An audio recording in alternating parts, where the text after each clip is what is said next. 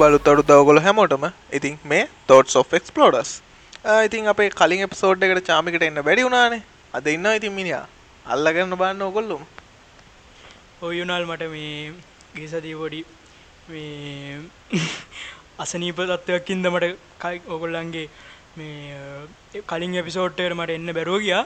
තින් අදේගේති මම ඉන්නවා මේ තින් අද අපි කතා කරල බලමු අද එපිසෝඩ් එක ගොඩක් රසවත් එපිසෝඩ්ඩක්කයි ඉස්රහට අපි අද බලමු. හිට කලින් මේ අපේ කට්ටිය පොඩ්ඩක් කියන්න දෙයක් තියෙනවා. මං චමට්ට පොඩ්ඩක් දෙන්න. කියන්න දෙයක් කියන්න මේකයි. ඉතින් මේ දැන් අපි හැම එපිසෝඩ්ඩේම කතා කරනවට සතිය ගෙවුණු විදිය ගැන සතිය හෝ ගෙවුණු දවස් ටික ගෙවුණු විදිය ගැන. ඒ හින්දා මේ ඔයාම පටන් ගන්න පොඩ්ඩක් කලින් දවස් ටික ගෙවුණු විදිය ගැන කියලා. එහෙම කතා කරලා ඊට පස්සේ අපි යන් අපේ මාතෘකාව. සහ කියන්න ඕනේ මේ මේක අපි රෙකෝඩ් කරලා දෙලි හොඳටම වහිනවා. මේ ඒ හින්දා මේකේ ආද්දි හෝ බලද්දි බෑග්ග්‍රවුන්ඩ් එකේ නොයිස් එකක් ආවොත් මේ ගන්න එපා. මොකද මේ එළිය මාර විදිහට හයියෙන් වහිනවා. මේ ඒක තමයි කියන් තියෙන ටික චමගා පටන් ගන්න. කලින් දවස් ටික කිව්වොත් අපේ මටනම් කලින් දවස් ගොඩක්ම ගෙවුණේ අවුරුද්දත් එක්ක. හැබැයි මගේ අනිත් යාළුවෝ තුන්දෙනාට නම් මේ ඒගොල්ලෝ ගියා මේ ගෝල් ෆේස් එකේ තිබ්බ මේ ගොටගෝ ගොටගෝහෝම් මේ ගම්මානට ගියා කට්ටියම. ගෝටගෝගමට මේ අපි කට්ටියෙන් අහල බලමු ගොටගෝගමේ ගත් අත්දැකීම් ගැන පොඩ්ඩක්. යුනල් කියන්න වන්න ගොටගෝ ගෝටගෝ ගමේ තත්ත්වය. ඉතින් මෙහෙමයි. තරුණ පරම්පරාව දූෂිත පාලනයට එරෙහිව නැගී සිටිනවා. ඉතින් අපිත් ගියා අපේ යුතුකම ඉටු කරන්න. දවසකට හරි. ඉතින් රස බල අත්දැකීම් ටිකක් තියෙනවා. නැත්තේ නැහැ. ඉතින් ඒ ගැන අපි දිගටම කතා කරගෙන යන්. නේද අනුජ? ඔව් දැන් අපි අපි කීයට මේ යන්න පටන් ගත්තේ ගෙදරින්?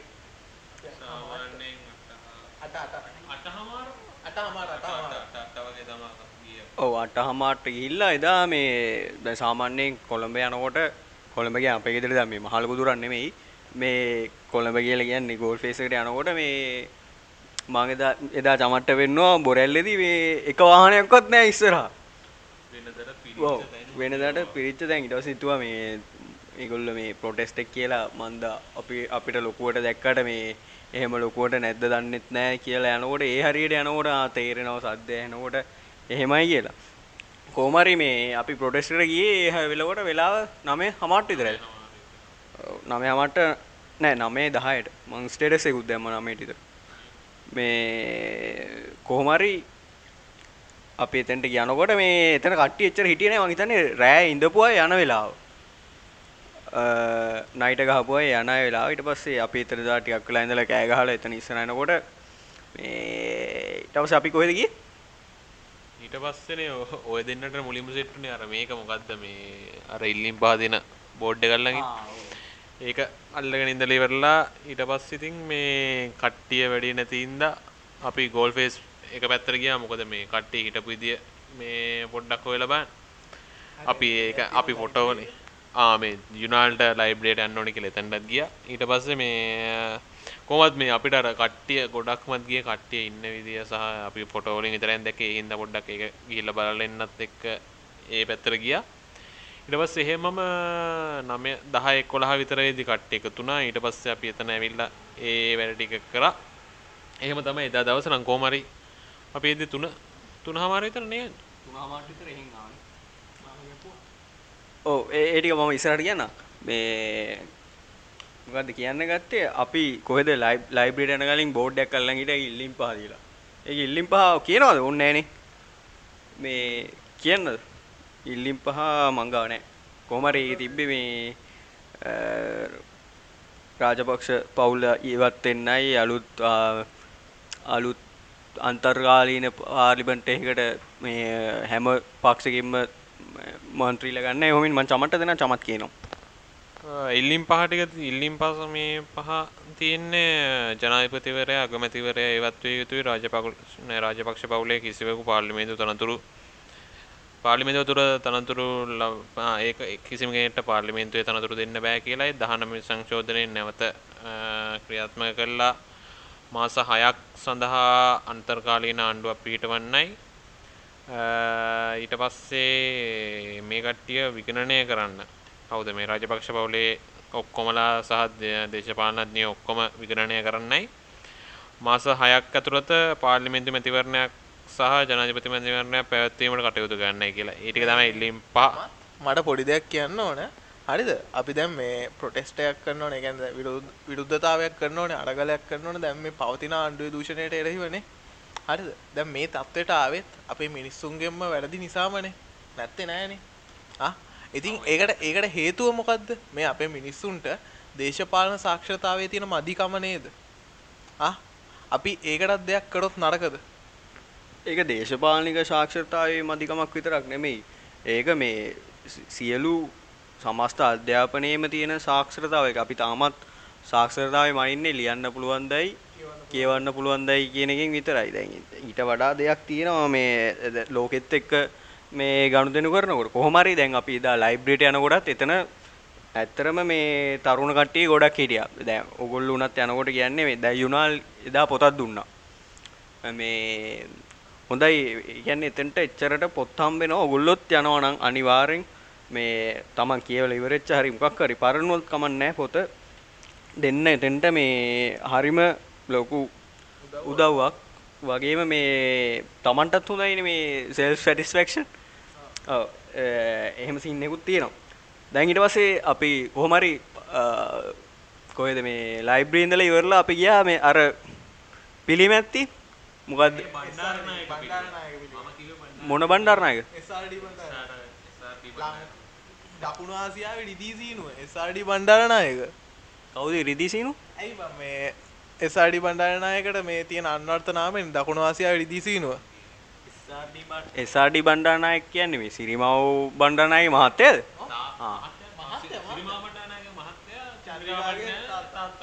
ආ ආ, හරි හරි. ඔය SRD කියන සීන් එක? මන් දන්නේ නැහැ. මන් දැන් බණ්ඩාරනායක මහත්තයා කියලා නෑ හැමෝම කියන්නේ කොහොම හරි දැන් එතන ගිහිල්ලා ඉන්නකොට මේ කට්ටිය වැඩි වෙනවා අඩු වෙනවා. ඊට පස්සේ එතන පල්ලෙයා එදා පාස්කු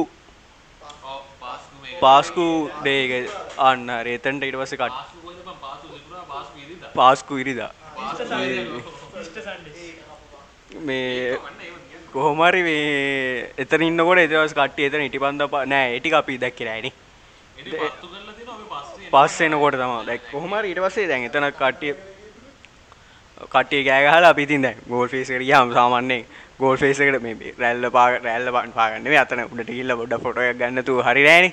මේ ගෝල් ෆේස් එකට කරන අසාධාරණයක් වගේ හින්දා පොඩ්ඩක් ඕ මදිකමක් හින්දා වගේ පොඩ්ඩක් මේ ඇවිදින්න ගියා ඒ පැත්තේ. ඇවිදින්න යනකොට ඕ ඇවිදින්න ගියානේ රැල්ල පාගලා අනම්මනක එක දෙයක් කියන්න ඕන මෙච්චර මිනිස්සු අරහෙ මෙහෙ ඉඳලත් බම් මේ ගැන කසල කළමනාගන්නේ හොඳ ත- තත්ත්වක තිබ්බා. ඒකන කියන්න ඕනේ. ඒකන මේ මාර විදිහට හොඳ තැනක තිබ්බා. මොකද මේ කුණු තිබ් නෑ කියන්න නැහැ. ඒත් මාර විදිහට මේ ක්ලීන් එකට තිබ්බා මේ වෙනදට ඔය ඔය වගේ තැනක උත්සවයක් පැය ගානක පැය 6ක හෝ 3 4ක උත්සවයක් තිබ්බට පස්සේ තියෙනට වැඩිය ඔය දවස් ගණන් දැන් අපි ගියේ 7 වෙනි හරි 8 වෙනි හරි දවසේනේ ඒ දවස් 8 ඇතුළත මාර ක්ලීන් එකට තිබ්බා මේ කිසි බාන්න මේ දැන් අර දේශපාලන පක්ෂකින් කරන අර මැයිදින රැලි ඒක තමයි. මාත් කිව්වේ මේ. ඒ කියන්නේ ඒවා සාමාන්‍ය උපරිම තියෙන පැය 6ක් අට පැය 6ක් උපරිම දැම්මත් පැය 6ක් තියෙන්නේ නැහැ. සාමාන්‍ය පැය දෙකක් තුනක් වගේ තියෙන.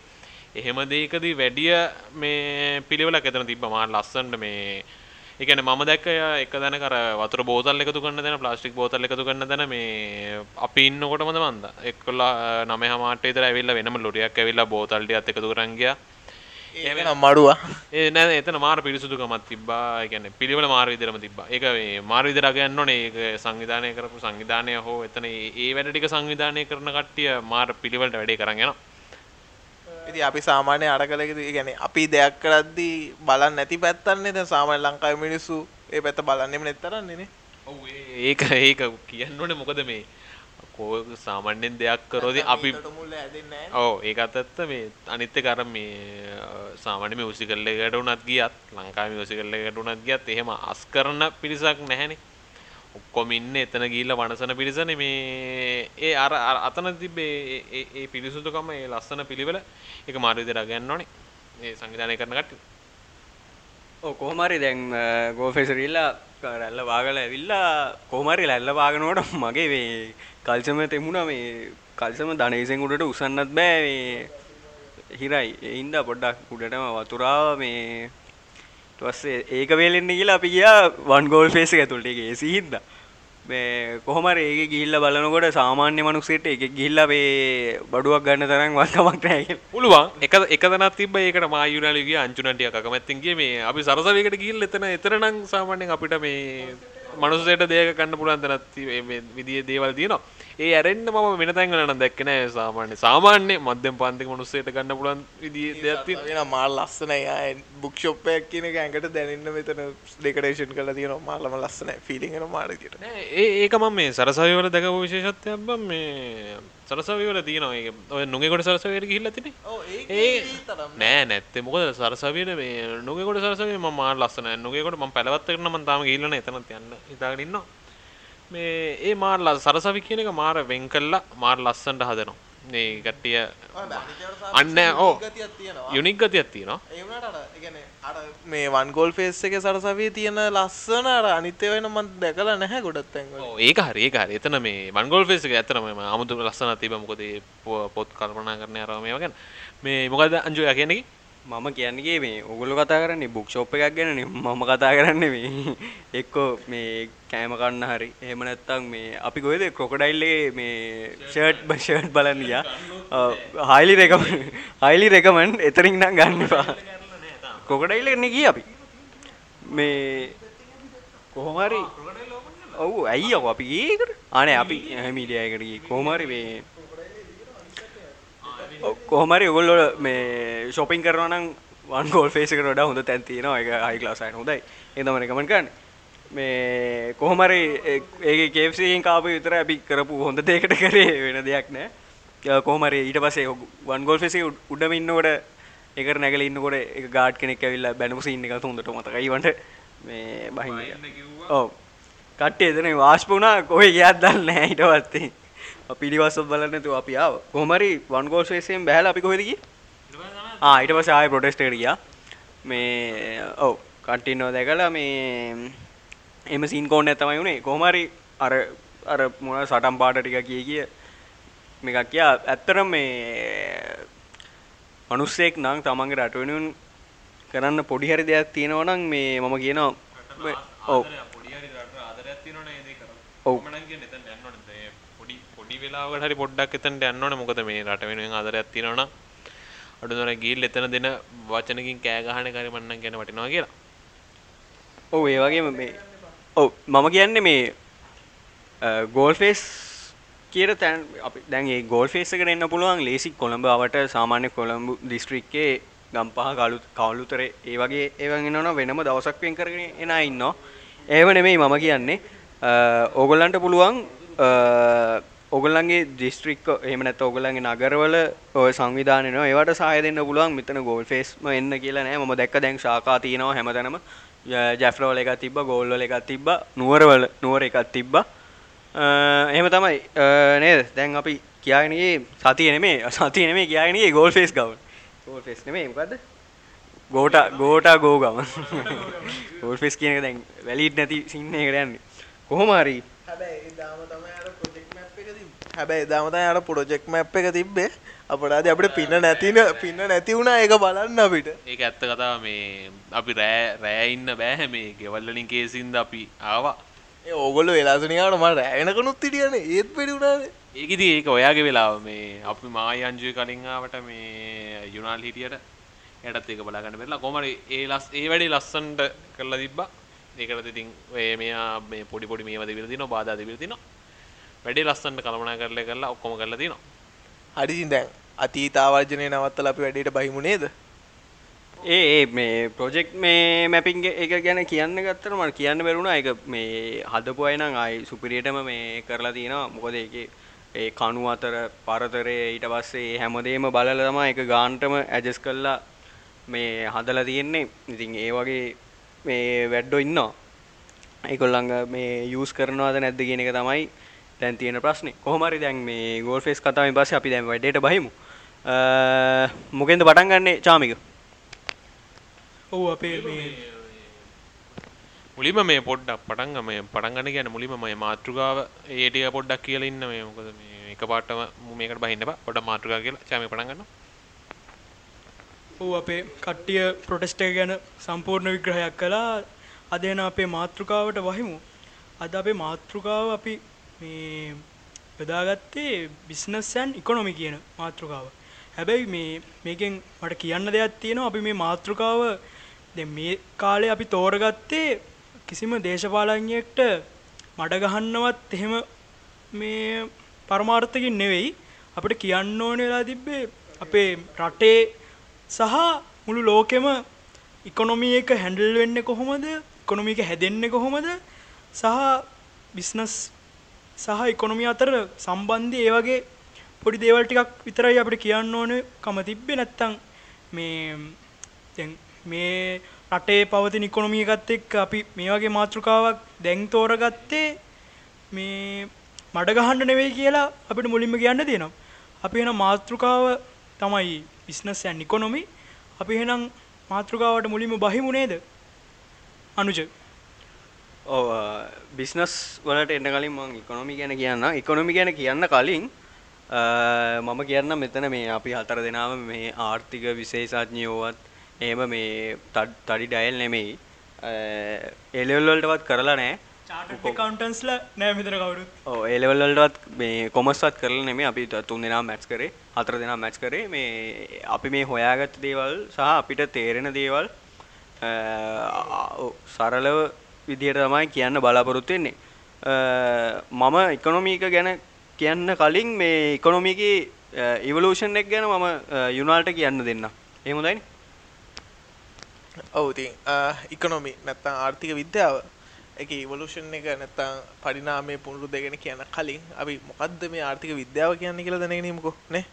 ඉතින් ඇත්ත වශයෙන්ම ආර්ථික විද්‍යාව කියලා කියන්නේ සමාජයන් භාණ්ඩ හා සේවා නිෂ්පාදනය කරන ආකාරය සහ ඒවා පරිභෝජනය කරන ආකාරය අතර අධ්‍යයනය කරන විද්‍යාව. ඒ කියන්නේ මොකද්ද මේ? ආ සමාජයක භාණ්ඩ හා සේවා. ඒ කියන්නේ මොකද්ද මේ ඉල්ලුම එනේ දේවල් ඉල්ලුම් දේවල් වලට තියෙන ඉල්ලුම හා සැපයුම අතර මේ දෝලනය විද්‍යාත්මක හැකින් බල් එක තමයි අපි මේ සරලව කියන්නේ ආර්ථික විද්‍යාව කියලා. හරිද? ඉතින් මේ ආර්ථික විද්‍යාව දල වශයෙන්ම ගත්තොත් ඉවලු මේ පටන් ගත්තා කියලා කියන්න පුළුවන් මේ මිනිස්සුયો රංචු වෙලා තමන්ගේ බඩු හුවමාරු කර ගන්න ගත්ත දවසින් ඉඳලා හේතුව මේ ඔලෙලට කොමස් කරපු කට්ටිය ඉගෙන ගන්නවා මේ බාට සිස්ටම් කියලා දෙයක් ගැන. ඒ කියන්නේ මොකද්ද මේ බාණ්ඩ හුවමාරුව. මොකද ඉස්සරම කාලේ මුදල් තිබ්බේ නෑ. ඒ නිසා මිනිස්සු සතුටින් හිටියා කියලා මට කියන්න පුළුවන්. මේ ඉතින් අන්න ඒකයි. ඉතින් මේ සල්ලි නෑනේ. ඒ වුණාට තමන්ට අතිරික්තයක් තමන්ට වැඩිපුර තියෙන දෙයක්. දැන් දඩයන් කරන මනුස්සයට මස් මකන්න බෑනේ නේ. ඉතින් අතිරික්තයක් තිබ්බා මේවා. අනිත් අයගේ බඩුත් එක්ක බෙදාගත්තා. හුවම අඩු කරගත්තා. ගනු දෙනු. ගන්නවා ඒ වගේම දෙනවා. ඉතින් ගනු දෙනු කරන්න පටන් ගත්ත තැන ඉඳලා තමයි මේ ආර්ථිකය කියන එක ඇති වුනේ. ඉතින් ඔය බාට සිස්ටම් එකෙන් පස්සේ මිනිස්සු මුදල් පාවිච්චියට ආවා. ඉතින් මේ මුදල් සංසරණය වෙන විදි ගැන සංඛ්‍යාත්මකව විශ්ලේෂණය කළා. මිනිස්සු එක එක තියරි ගොඩ නැගුවා. ඉතින් මම මෙතන ඒ තියරි හොයාගත්ත මිනිස්සු ගැන මේ ඒ තියරි ගැන කතා කරන්න යන්න නැහැ. මොකද මේ ඒක මේ මෙතනදී අපි කරන එක හරි නෑ මොකද අපිට මේ ඕගොල්ලන්ට ඕන තරම් ඉන්ටර්නෙට් එකේ ඒ කියන්නේ ඉවලූෂන් එකේ මේ පොයින්ට්ස් අනුව හොයාගන්න පුළුවන්. මොකද අපි කරන්න යන්නේ මෙතන වත්මන් තත්ත්වය ගැන මේ අපේ හෙන් කියන ගන්න එනිසා ඉතින් තවක් කොහෙන් හරි හොයාගත්ත කරුණු ටික පොයින්ට් කරලා කියලා දෙලා වැඩක් නැහැ නේ. නේ ඕන මොනසෙට් එක හොයාගන්න පුළුවන්. අනිත් එක මේ පෑකින් දෙකින් කතා කරලා ඉවර කරන්න බෑ. එච්චර මේ ආර්ථික විද්‍යාඥයෝ සෙට් එකක් වෙහි වැහලා ඉඳලා තියෙනවා. ඇයි? ඒ කියන්නේ දැන් අපි දැන්ට අදට කතා කරන ආර්ථික විද්‍යාව නම් මේ ස්කොට්ලන්ත ජාතික චින්තන චින්තකයෙක් වන ඇඩම් ස්මිත් තමයි ගැන හඳුන්වා දීලා තියෙන්නේ. ඒගැන අපි දැන් කතා කරන ආර්ථික විද්‍යාව. ඒකත් ඉති අර විද්‍යාත්මක පදනමක් ඇතුව සමීකරන තියරි එක එක දෙවල් එක් ඇති අපි වැඩිපුරම ඉති මෙතන යන සංඛ්‍යානය තමයි. සංඛ්‍යානය කියන්නේ ලොකු දත්ත ප්‍රමාණයක විචලනය අපි ගැනේ ලොකු දත්ත ප්‍රමාණයක්. ගැන ලොකු ඩේට සෙට්ට එක. අර වෙනස් වෙන විදි අපි කරන අධ්‍යයනය තමයි ඒවයිත ප්‍රඩික් කල්ලාට කට්ටිය එක එක දේවල් කියන්න මෙහෙම කරන්න මෙහෙම කරන්න කියලා. ඉතින් මේ අපි අයන් බාට සිිස්ටම් එක ගැන. ඉතින් බාට සිිස්ටම් එකට පස්සේ මිනිස්සු බෙලි කටු පබලු වගේ දෙවල් මුතල් විදිහට පාවිච්චි කරන ගත්තා. මිනිස්සුන්ට ඕනුන මේ බඩු වලටම බඩු පුහමාරු කරනවට වඩා. ඒ කියන්නේ හිතන්නකෝ ඔයා ගොවියෙක් කියලා. ඔයා මස් මේ රාත්තලක් ගන්න. ඒ කියන්නේ එහෙම ඒ කාලේ තීච්චර යුනිට් තියෙන්නේ නැතුව ඇති. ඒ වුණාට අර ඒ වගේ ප්‍රමාණයක් ගන්න ඔයා ඔයාගෙන් දෙනවා මේ ඔයා ගොවියෙක් නිසා ඔයා වගා කරන දේ. ඒ වුණාට අර ඒ දෙකේ ඒ කියන්නේ සම්මතයක් නැහැනේ. ඔයාට ඇති කියලා හිතන ගන්න ඔයා දෙනවා අර ඇති කියලා හිතන ගන්න එයා දෙනවා. සමරක් කියලාට වලියන්න පුළුවන්. මංවාට මස් ගොඩක් දුන්න. උපමට මේ වගා කරපු එලෝලු පොඩ්ඩයි දෙන්න කියලා. අනිවාරයෙන් එම යන්න පුළුවන්නේ ඉතින් මේ සම්මත ඇති කරන්න මුදල් පාවිච්චියටාව ඊට පස්ස තමයි මේ තරගේ ආවේ. ඉතිං ඕක තමයි දල වශයෙන් අපිට කියන්න පුළුවන්. මේ මට කියන්න තියන්නේ ඔය බාට සිිස්ටම් එක ඉස්සර තිබ්බට මේ ඒකෙ තිබ්බේ සමහර දැන් වා හිතන්නකෝ යුනාල් දඩයන් කරවා කියලා. යුනල් දඩයන් කරනුවට ඒක බැලුවේ බරත් එක්ක ඉස්සර. බාඩ සිිස්ටමේ තොට ගණු දෙනු කරන්න දැ යුනාල් මට මේ මස් කිලෝ එකක් දුන්නොත් කිලෝ වලින් නෙමේ ගැන සාමාන්‍ය මකරි බරක් බලනොයි මේ රාත්තල් මත්නෙම අර මොකරි ඕ තරාදියක් කරි දෙපැත්ත බැලන්සෙන්න්න මොක්කරි හදාගෙන ඇතිරි කෝමරි ඒක වෙලා තිබ්බ මේ බරත් එක්ක තම ඉස්සර බාර් සිිස්ටම ගිල තිබේ හැබැයි එතකොට මේ ඔගොල්ලන් හිතෙන්න පුළුවන්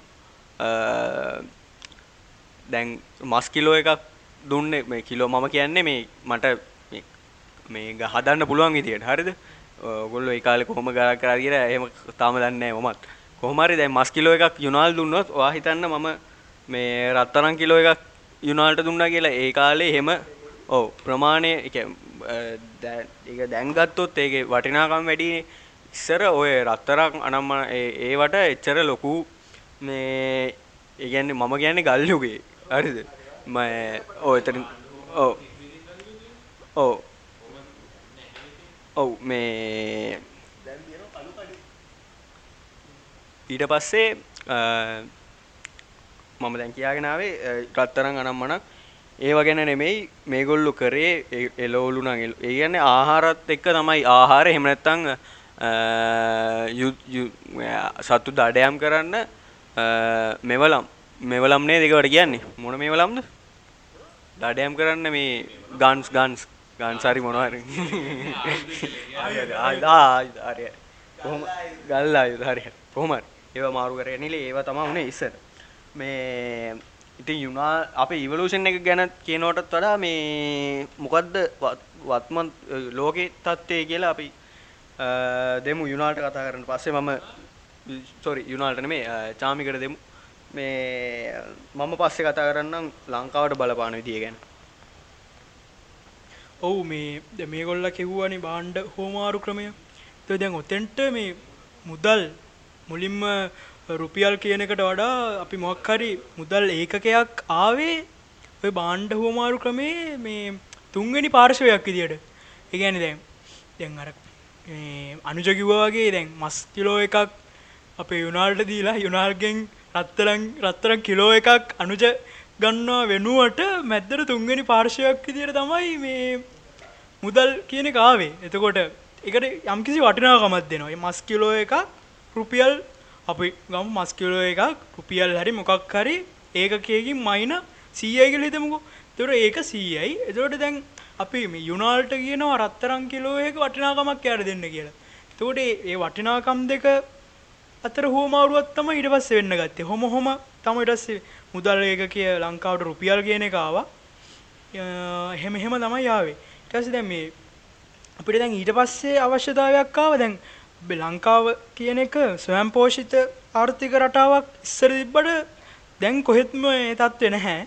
ඊට පස්සේ තමයි අපි මේ දැන් ජාත්‍යන්තර වෙළඳපොළ සමග ගනුදෙනු කරන්න අපිට නිතරම අවශ්‍යතාවයක් එනවානේ. ඉතින් ඔතෙන්දි තමයි මේ ඩොලර් කියන එක ජාත්‍යන්තර මුදල් ඒකකයක් විදියට මේ ඇවිල්ලා ආයි පොඩ්ඩක් අපි මම පොඩි දෙයක් අහන්න මම මේ දන්නේ තියෙන ඔය ස්වයං පෝෂිත ආර්ථික රටාව කියන එක නැති වුණේ කොයි කාලේ ඉඳලා පොඩ්ඩක් නමසය හැත්ත දෙකේ හරි හැත්තාතේ හරියට ගැන අපේ මයිත ජයාර් ජයවර්ධන මේ ඒක මේ කොහොම ඒක ඇවිල්ලා 1977 පස්සේ සිරිමව බණ්ඩාරනායකගේ කාලේ ඉවරනට පස්සේ විවෘතාර්ථිකය හැදුණානේ විවෘතාර්ථිකයෙන් උනේ කොහොම හරි මම විවෘතාර්ථික කලින් කියන්නම් 1970 දෙකේ හරි ඔව්, ඒ වගේ ගානක සිරිමා බණ්ඩාරනායක තමා ව්‍ය- විවෘත ආර්ථිකය ලෝකෙට හඳුන්වා දුන්නේ. සෝරි විවෘත ආර්ථිකය නෙමෙයි මේ ඇතුලේ තමන්ගේ මේ තමන්ගේ රටේ තමන්ට ආ- අවශ්‍ය වන භාණ්ඩ මේ තමන්ම නිෂ්පාදනය කරගන්න එක.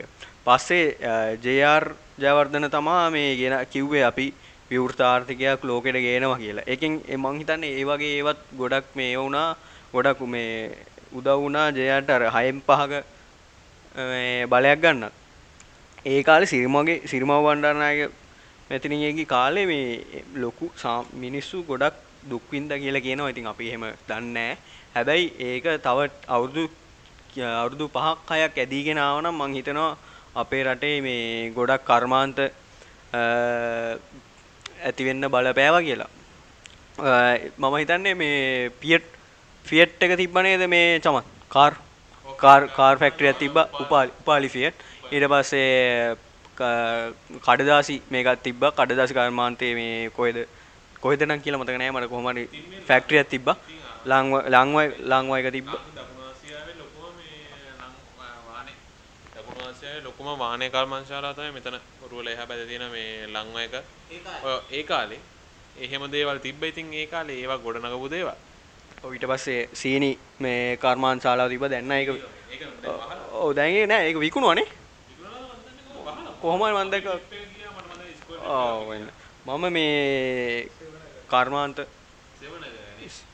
මේ කර්මාන්ත ගැන කර්මාන්තයි නිෂ්පාදන ගැන කිය දැන් කිය වෙන මැද්දෙන් පැන්න මම චාමිකට දෙන්න චාමි කියගෙන යන්න. ඔව් අපි මේ විවෘත්ත ආර්ථිකය කියන එකෙන් මේ ස්වයං පෝෂිත ආර්ථික රටාවට වඩා එකේ මේ මම දකිනවා එක හොඳ දේවලුත් වුණා නැත්තේ නැහැ.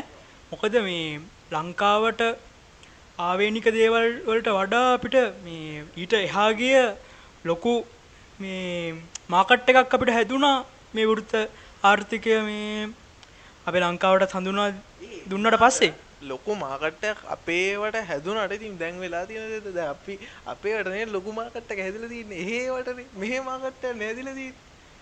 ඔව් ඒ කතාවට මාත් එකඟයි.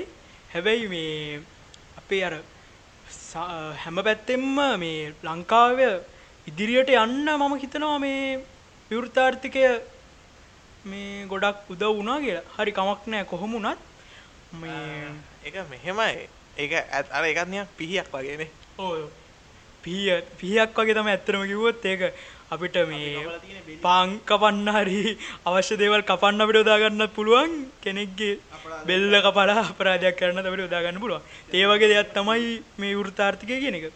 හරි. අපි අද මාතෘකාව මේ ඉකොනොමි ඇන්ඩ් බිස්නස් අපි ඉකොනොමි කියන එක ගැන කතා කළොත් මේ ලෝකයේ ඉකොනොමි එක අතින් මේ හැමෝම දන්නවනේ ඉතින් ඉහළින්ම ඉන්නේ යුනයිටඩ් ස්ටේට් චීන නෙමෙයිද නෑ ඇමරිකාව. චීන දෙවනි ස්ථානය.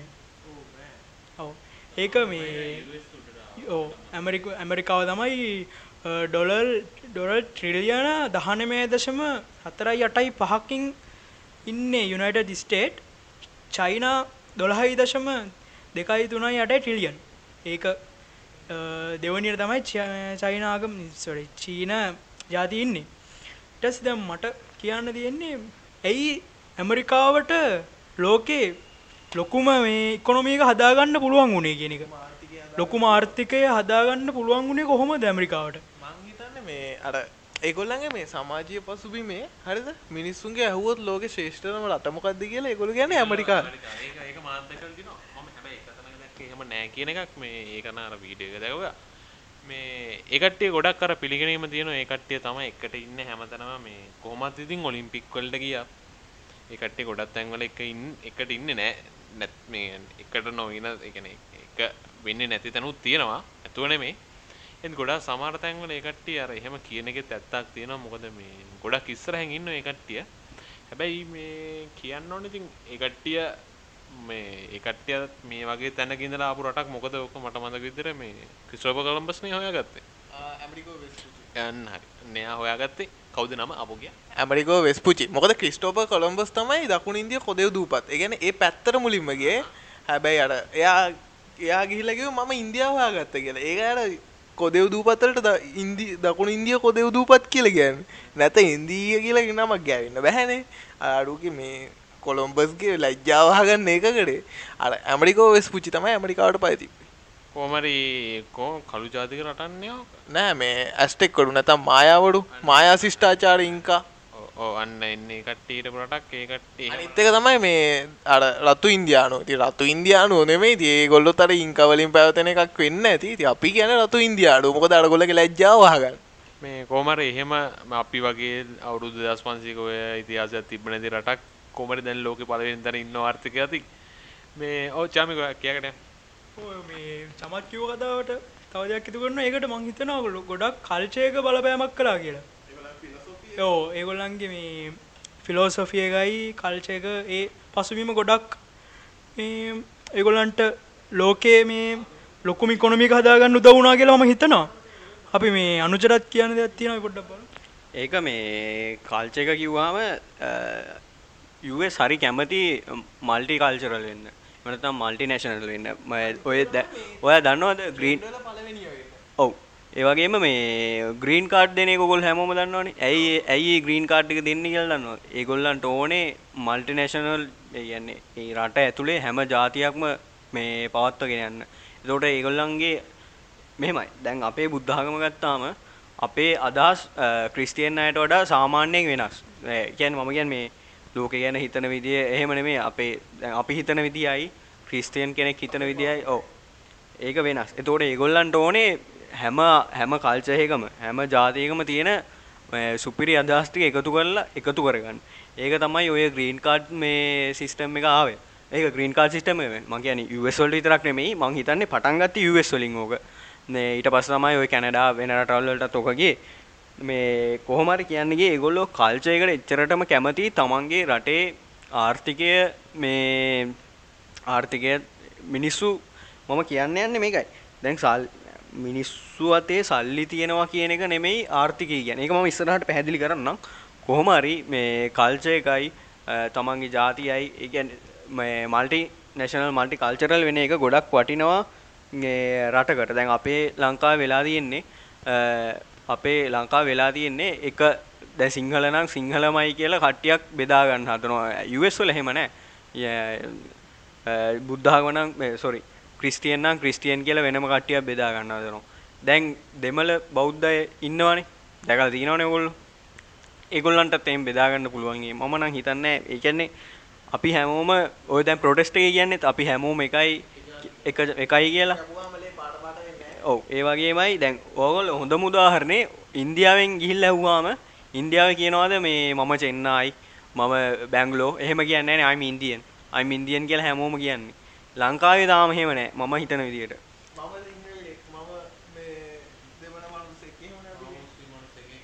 අන්න අපි. මම ශ්‍රී ලාංකිකයෙක් වෙච්ච දවසල මේ ප්‍රශ්න ගොඩක් ඇත්තරම කියන්න ෑන කවදාවත් අපි වෙනකට කිවත් කියන්න ෑනේ උදෙමලික් ඇත්ත කතාවමනි කියන් උදෙමලික් ඒ- මුස්ලිම් කාරය නොම ඕක තම අපි පාවිච්චි කරන වචන. ඇතන අපි පාවිච්චි කරන භාෂාව ඕක.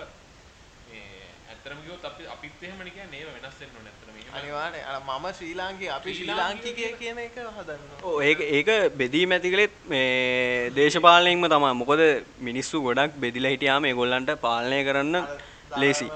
උදාහරණ එක දඩ කෑල්ලක් කඩන් ලේසුනාට දඩ මිටියක් කඩන් ලේසි නෑන ඔව ඒ මම. දැන් අබ චාමික කාල්චයගත් එක්ක කියයාගෙනගේ චාමි කිය නිසරහට ඔවු මේ ද අපි කතා කළේ මේ ඉකොනොමිය එක ඇමරිකාවේ හැදිච්ච හැටිනි. ඉතින් මට මම හිතන විදියට මේ මේ ඇමරිකාවට මේ මෙච්චර දැවන්ති ඉකොනොමි එකක් හදාගන්න එගොලන්ට ගොඩක් උදව්වුණා මේ ඒ රටේ මිනිස්සුන්ගේ මේ ඒක පුද්ගල ආදායම කියන එක.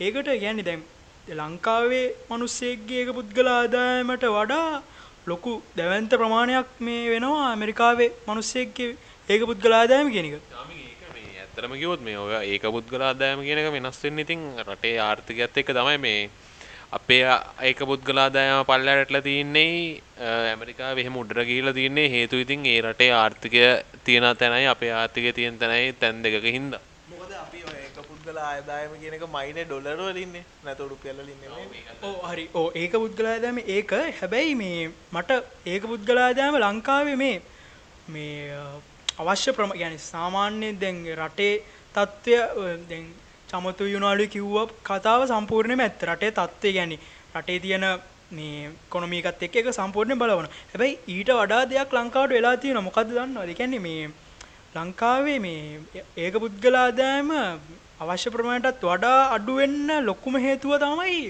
ලංකාවේ ධනපතියෝ කියන එක. ධනපතියොන්ගේ මේ සල්ලි ගොඩක් විගණනය වෙන්නේ නැහැ. කැන ඔඩිට් වෙන එක ප්‍රමාණය ගොඩක් මඩුයි. ඒගොල්ල ගොඩක් මේ බ්ලක් මාකට් එක තමයි සල්ලි දෙන තින්නේ ඇමරිකාව ගත්තොත් එලෝන් මක්සේ වගේ දැවන්ත දැවන්තයෝ කියන චරිත ඒගොල්ලන්ගේ මුදල් ගොඩක් මේ මං කියන්න සම්පූර්ණයෙන්ම ඒ විගණනය වෙලා කියලා. බ්ලක් මාකට් එකේ කළු සල්ලිත් ඇති.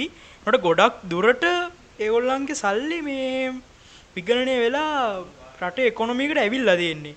ඉතින් රටේ එකොනොමිකට ආවට පස්සේ මේ ඒක පුද්ගලාදෑම කියෙනෙක ඉතින් කොහොමත් නගි නොය රටක. ද ලංකාය වුනත් ලංකාවේ ඉන්න ධනපතියොන්ගේ සල්ලි ටික කොනොමීකට අවොත් මවන හිතනවා ඩොලර එක දැන් දාද වත්මන් මං හිතන්නේ තුන්සිය තුන්සිය තිහක් තුන්සිය හදලිස් පහක් වගේ ඕ ඒ අතර ඩොලර එක තියෙනවා ඉතින් මම හිතනවා මේ දැන් මේ මිනිස්සුන්ගේ මේ ධනපතියුන්ගේ තියෙන ඇත්තම සල්ලි ටික එළියට ආවොත් අනිවාර්යෙන් 180ටත් වත් ඩොලර් එක වහී කියලා මට හිතෙනවා.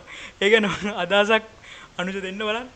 ඕ ඒක අර මම ඉලෝන් මස්ගේ කතාවට කියනවා නම් මේ US ඇමරිකාව හරි කැමති බිලියනස් ලව හදන්න ඒකයි යුවල්ට කියන්නේ කොමික් බුක්ස් බලන් බලස්වෙන් ඉන්න ඔලිය කුයින්ස්ලා ඉන්න අර එදස් නවසේ බඩගනන් ගලාපු මේ කොමික් බුක්ස් බාන බලස්වෙන්ල ඔබලියකුඉල්ලා ඇඩෝ බැට්මෑන්ලා හෙම හරිද? ඒගොල්ලො මේ අර සුපිරි ධනපති පන්ති මිනිස්සු. හැබැයි ඒගොලො වයිට් කරක්ටසක සුදු චඩිත හරිද?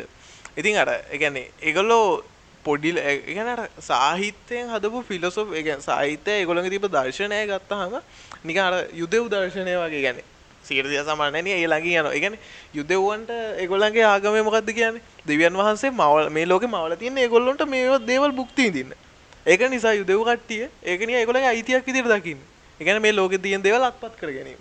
අන්නේ වගේ ඇමරිකා ඇතුළ ෆිලොසොෆිය එකක් හැදන දර්ශනයක් හැදන. මොකක්ද අපි තමයි මේ ලෝකෙ පෘතිවය ශේෂ්ඨතම ජාතිය. හරි එතකොට මේ හැම දෙයක්ම තියෙන්නේ අපිට යටත්ව. එතකොට අපි තමයි මේක පාලකයෝ. මේ අර අනුජ කිව්වා වගේ මේ ග්‍රීන් කාඩ් ඒ වගේ දේවල් වලින් කරේ මොකද්ද? අර හතර වටේම බෙදිලා යන්න තිබ්බ සුපිරි මොළ ටික ඇතුළට ගත්තා. එතකොට සුපිරි මොළ ටික ළමල් ළඟ තියෙද්දි හොඳම ප්ලෑන් ටික හොඳම ආයුධ ටික හොඳම බඩු ටික ඔක්කොම කොහෙද ගහන්නේ? ඔයක මම කියාගෙන ගියේ දැන් ඉලෝන් මස්ලා බිලියනර්ස් ලව හදන්න ඒ රට කොච්චර මේ වෙහෙසෙනවද කියලා.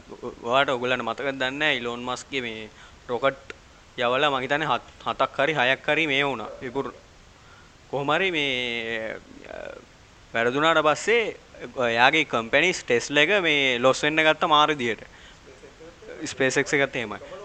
ලොස් වුනා ඒකට පස්සේ සල්ලි දුන්නේ කවුද කියලාන නාසගෙන් සල්ලි දුන්න. නාසගෙන්. ඔව්. නාසකෙන් සල්ලි දෙනවා. ඒ කියන්නේ ඒගොල්ලෝට ඕනේ අර જાතියක් විදියට ඉස්සරහට එන්නයි. එතකොට ඒගොල්ලන්ගේ රටේ බිලියනර්ස්ලා මිලියනර්ස්ලා වැඩි වෙනවා කියන්නේ ඒගොල්ලන්ගේ රටේ ඉකොනොමි එක වැඩි වෙනවා කියන්නේ. අනිත් විදියට ඉස්සරහට යන්න මේ ඒගොල්ලෝ ගොඩක් කැමති. જાතියකටත් වඩා. ඔව් ඒකයි දැන් ලංකාවේ බලන ගත්තාම ලංකාවේ බිස්නස්මන් කෙනෙක් බලන්නේ වෙන බිස්නස්මන් කෙනෙක්ව නැති කරලා මේ ඔව් උඩ පාඩේ පාගල උඩ යන්න හින්දානේ දැන් ඒ රටවල්වල එහෙම නෑ ඒගොල්ලන්ට ඕනේ මේ මුළු රට මුඩට ගේන්න මිසක් තමන්ට මෙහෙම උඩ යන්න කියලා තමන්ට උඩ යන්න තමයි. ඒ කියන්නේ මුළු රටම මේ ගොඩ ගැනීමේ අදහසකින් තමයි ඒගොල්ලෝ කරන්නේ. මේ යුනාල් කියාගෙන යන්න. ඒ කියන්නේ මෙහෙමයි. මේ දැන් හිතනකොට ලංකාවේ මේ අපේ කට්ටියට තිබ්බ ඒ කියන්නේ තියෙන වගේ මානසිකත්වය ව්‍යාපාරිකයන් තියෙන වගේ මානසිකත්වය ජෙෆ් බොසෝස්ලාට මේ ඉලොන් මාස්ලට තිබ්බන. ඒගොල්ලෝ යන්නේ මේ තුවක්කු පිරි වඩාගෙන ඒ ඇත්ත ඒ ඇත්ත. මේ මාර විදිර එන ඒ මිනිස්සු මාර උඩක ඉන්න. මේ ඒක තමයි. ඔයිට වැඩිය උඩ ඉන්න තිබ මන්න හිතන්න දැන් ඔය අංජු ජුනට කියපු විදිර ඒ මිනිස්සු හිතන්න ගත්තන. ඉතින් මේ ඕක තමයි දර්ශනයත් එක්ක ඇමරිකාවේ ඉකොනොමි එක ආර්ථිකයේ ගොඩ එන්න ලොකුම හේතු ටික හරිද? ඉතින් ඒ විතරන්න ඉතින් අද ඉකනොමියන් බිස්නස් ගෙන කතා කරතාව ගොඩක් දෙවල් තියෙන නේ චාමික? ඔවු මේ සහ ඒ රටේ තියෙනවා. ගැන මිනිස්සුන්ගේ තියෙන සිම්පල් ගතිය. ගැන මම ඒ ගොඩක් අගය කරනවා. ගැන ඒගොල්ලන්ට ඉන්න පුළුවන් ලංකාවේ වගේ විලියන කෙනෙක් හිටියනම් මං හිතන්නේ ඌ රත්තරම් පොරවගෙන මේ ගොඩක් ඒක මේ චාමික මන්දකින්න ඒක මිනිස්සුන්ගේ මෙන්ටලට මේ මානසිකත්වය. මොකද මේ ඒක මේ ඒ ඇත්තර මේ ඒ මිනිස්සු කැමතිනෑ කොච්චර තිබ්බත් ඒම මේ තිබ්බ කියලා. කොමත් ගොඩක් ඔය මිලියනස්ලා මේ ලංකාවෙනං ලංකාවේ තියන්න මම දැක්ලන්න ඔය ලංකාවේ පලනි කෝටිපතිය මම නම ගෙන කාරන්න දන්න ඒ මනුස්ස එහෙම එහෙම මේ ෂෝෆ් කරන්න කිසිම දැනක. ඉච්චර ඔන්නෑ ඩිල්ෂන් මයිහබ් ඩිල්ෂන් ඒත් වැඩ්ඩෙක්නේ යම් කිසි මට්ටක හොඳ තැනගන්න වැඩ්ඩෙක්නේ ලංකාව ට වලින් උඩමින්න චරිතන්නේ ඒත් කොහෙව ෂෝෆ් කරන්න එය බ්ලොග් එක කරනවා. බ්ලොග් එක කරනවා කියලා මේ එතන ගිල්ල මට මේ වීට තියනවා කියලා කියවන වන්න දැකලන හෙම කවදාවත්. මේ එහෙම ඒකඉතින් මිනිස්සුන්ගේ මානසිකමට්ටම තමයි මමනම් පිළිගන්නේ දිය සමහරුන්ඩිතින් ඔය කිය දැන් සමහරුන්ඩිති රුපියල් දාහක් කම්මුණත් මේ පෙන්න්න යනවන සමහර මානසිකත්ව තියෙන කට්ටිය. එකයි මන්දකින විදින්න ඔය මානසික මට්ටම ගොඩක් මේ ඒ රටට මහිතන්න බලපාල ඇති මේ උච්චර දැවන්ති කොනොමික කදාගන්න සහ මේ මට තව කියන්න දෙයක් තියෙනවා. දැන් ගොඩක් යන මේ ට්‍රෙන්ඩලා තිබ්බ පහුගිය දවස්සල මේ රුපියල පාකරා කියන එක. මේ ගැන පොඩි විස්තර දෙන්න. මේ මොකද මේ ඇතර මදන්න එක මේ හරි විස්තරයක් මොකද රුපියල පාකරා කියන එක? මේ පොඩච්චාම රුපියල පාක් කරනවා සහ ඒක මේ අනිත් වචනය තමයි රුපියල් ස්ථාවර මට්ටමක රඳවා ගන්නවා කියන එක. දැන් මෙච්චර කාලයක් මේ මං කියන්නේ සම්පූර්ණ ස්ථාවරම තිබ්බා කියලා. හැබැයි දැන් මේ මම දන්නේ පෙබරවාරි වල වගේ තමයි ওই වචනේ ගොඩක් කරලියට ආවේ. දැන්ම දැන් රුපියල පා කළා කියන්නේ දැන් ඉගිලෙන දැන් හොඳට ඉගිලෙනවා. මේ හැබැයි මේ රුපියල පා කරන්න මේ දැන් රටකට දුවන්න නම් යම්කිසි මුදල් ප්‍රමාණයක් මේ අච්චු ගහන්න ඕනේ. ඒක මම නෑ කියන්න. හැ කියන්නේ මේ රටක අපි උද්ධමනය කොහොමටත් මේ පොඩි ප්‍රමාණකින් මේ නගිනවා. ඒක නවත්තන්න බැහැ. කියන්නේ මුදල් ප්‍රමාණයක් අච්චු ගහන්න ඕනේ. ඒක සංස්කෘතික එකඟයි. ඒක සංස්කෘතික එකයි හැබැයි මේ ද මෙතන මේ ප්‍රශ්නය වෙලා තියෙන්නේ මේ ලේක් හවුස් එකේ පත්තර අච්චු ගහනවා වගේ මේ සල්ලි අච්චු ගහන්න ගත්තාම ඉතින් රුපියල මේ ස්ථාවර කරගන්නවා කියන එක ගොඩක් අමාරු වැඩක්. කියන්නේ ඒක පාහ කරනවා කියන්නේ හඳටම පා වෙනවා එතකොට. මේ දැන් කරන්න ඕනි කොහොම හරි මේ සල්ලි අවශ්‍ය ප්‍රමාණය විතරක් අච්චු ගහලා තියෙන මුදල් වලින් රට රන් කරන එක. ඉතින් මෙහෙම කරන්න කිව්වොත් ආයෙත් රටක් දුප්පත් වෙනවා කියන එක මේ අයිති කතා කරන්න අනිවාර්යෙන්ම අවශ්‍ය දෙයක් නෙමෙයි අනිවාර්යෙන් වෙන දෙයක්. ඕ මේළඟද උනානේ මොකක් රටකට ඔය මන් දැක්ක මේ විල්බරවල එහෙම මේ ගිහිල්ලා පාංගිරියක් අරන් එනවා මේ වෙනි සිවුලවල මං හිතන්නේ මම හරියට දන්නේ ඔව් ඔව් ඔව් මම දැක්කයි ෆොටෝස් මේ Facebook එකේම ෂෙයා වෙනවා. කියන්නේ මිනිස්සුන්ට ඒ රුපියල් රුපියල් නෙමෙයි සෝරි මේ ඒ රටේ තියෙන කරන්සි එක ඔව් වෙනිසියුලාවර සිම්බාබේ ඒ කියන්නේ ඒගොල්ලන්ට ඒ කිසි වග- මේ වටිනාකමක් නැහැ. පොඩ්ඩක්වත් වටිනාකමක් නැහැ. ඒක නියම වෙන්නේ. ඉතින් මේ අපි ඉස්සරට කතා කරගෙන යමු නේද අනුජ? ඔව් මම කියන්නම්. ඉස්සරට දැන් මම ලංකාවේ ආර්ථිකය ගැන පොඩ්ඩක් කියන්න පටන් ගන්නම්. මෙහෙමයි ආර්ථිකය දැන් සාමාන්‍ය පොඩිම මිනිස්සෙක්ට උනත් ආර්ථිකය විතරක් නෙමෙයි. අ, දේශපාලනය ඊට පස්සේ ඉංග්ලිෂ් නම් ඉංග්ලිෂ් ඊට පස්සේ කම්පියුටර් කියන්නේ අ, තාම සාමාන්‍යයෙන් කම්පියුටර් එක අඩුම කම්පියුටර් එක නෙමෙයි ෆෝන් එක මේ WhatsApp එකෙන් වීඩියෝ කෝල් එකක් ගන්න හරි මේ දැනගෙන ඉන්න ඕනේ අඩුම වයස දැන් අ, 60 55න් උඩ 55න් පල්ලෙහා ඒවා. ඒ කියන්නේ අ, අවුරුදු 5ත් අවුරුදු 55ත් අතර. එහෙම ඒ ලිටරසි එක තියෙන අයට තමයි මේ ලේසි ලෝකෙත් එක්ක ගනුදෙනු කරන්නේ. එතකොට මේ ඉකොනොමි ඊට පස්සේ සයන්ස් පොලිටික්ස් ඒ හැමදේම හැම මිනිස්සෙක්ම බේසික් කන්සෙප්ට් ටික තේරුම් ගත්තොත් තමයි අ, රටක් රටක් හෝ ලෝකෙම වුණත් ඉස්සරහට යන්න පුළුවන්. මේ බේසික් කන්සෙප්ට් ටික නැතුව එතු බේසික් කන්සෙප්ට් ටික අ, කවුරුත් ඒ කියන්නේ අධ්‍යයනයක් කරන්නේ නැතුව තමන් මෝඩයා වගේ හිටියාම වෙන අය ඇවිල්ලා එතකොට අ, අනිත් අයව මෝඩේ මේ අන්දන් හදනවා. එහෙම අන්දන් හැදුවම තමයි අපි මේ අපේ ලංකාට වෙලා තින වගේ දේවල් වෙන්නේ තමන් ආර්ථික විශේෂඥයෝයි කියලා කියා ගන්නවා තමන් විසින්ම අන්තිමට මේ රටේ සම්පත්තිකට කරපු දෙයකුත් නෑ. කොමරි මෝ කියන්නගේ දැන් ලංකාව ඉකොනොමික් ගත්තොත් ඒකෙන් සීයට තිහක් විතර. තනිකර ඇග්‍රිකල්ච ඇග්‍රිකල්ච බෙස් කොමත් ඉස්සර ඉදම්ම මේ ඉස්සරනම් ගොඩක්ම ය වෙන රටවල් වලටත් අපි හාල් අනම්මන යව්වනේ. ඉගන්නේ සොයන් පෝෂිත ඉගන්න අර කලින් කිව් වගේ ඒක තමන්ගේ දේවල් තමන් නිෂ්පාදනය කරගන්න දැන් ආහාර වලින් මම කියන්නේ ඇග්‍රිකල්චර් 130ක් ලංකාවේ මිනිස්සු 130ක් වගේ තමයි ඇග්‍රිකල්චර් වලට යෙදිලා ඉන්නේ.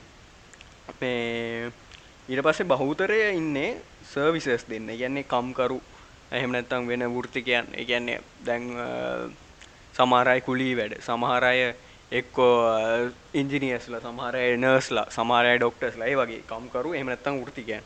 ඊට පස්සේ සුළුතරේ තමයි නිෂ්පාදිත නිෂ්පාදකයන්. නිෂ්පාදකයෝ තමයි Uh, ඒ කියන්නේ ඕනර්ස්ලා, ඒ කියන්නේ එන්ටර්ප්‍රනර්ස්ලා. එහෙම නැත්නම් අපි කියනවා බිස්නස්මන්ලා සරලවම කියනවනම් ඒගොල්ලෝ තමා අර තමන්ගේ දෙයක් කරලා එක්ස්පෝර්ට් කරන්න පුළුවන් මේ තත්ත්වයකට රටක් ගේන්න සාමාන්‍යයෙන් ඒගොල්ලන්ගේ සුළුතරේ වුණාට ඒගොල්ලන්ගෙන් තමයි රටක් දුවන එක වැඩි වෙන්නේ. දැන් ඇමරිකාවේ ගත්තොත් ඉලෝන් මස්ලා නම් ඒගොල්ලන්ගේ එක එක්ස්පෝර්ට් එක්ස්පෝර්ටිං එකත් එක්ක තමා කොහොමත් රටේ මේ අලුත් අලුත් වර්ල්ඩ් එකත් එක්ක මේ යන්න පුළුවන් ඉස්සරහට. ඉතින් මේ ලංකාවට වෙලා තියන්නේ මේ නිෂ්පාදනය කරන දේවල් අඩුවෙන එක තමයි ලෝකෙට. කොහොමරි මේ මම කියන්න ගන්නම් රුපීස් ඉගැන රුපියල් සහ ඩොලර් අතර සම්බන්ධය. එතකොට ඩොලර් අතර සම්බන්ධය මෙහෙමයි.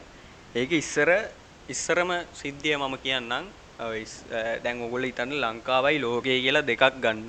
එතකොට ලංකාවෙන් දෙනවා ලංකාවේ තියෙන රුපියල්. ඩොලර්ස් ඩොලර්ස් තියෙනවා කියමුකෝ ලෝකේ. එතකොට ලංකාවේ තියෙනවා ඇග්‍රිකල්චර් නම් අපිට ඕනේ පෝර. පෝර මෙහි හදන්නේ නෑනේ. තෙල් ඕනේ. පිටි ඕනේ. ඊට පස්සේ වාහන ඕනේ. ඒවා මෙහි හදන්නේ නෑනේ. ඒවා ගන්න ඕනේ අපිට වෙන ඒ කියන්නේ ලෝකෙත් එක්ක ගනුදෙනු කර.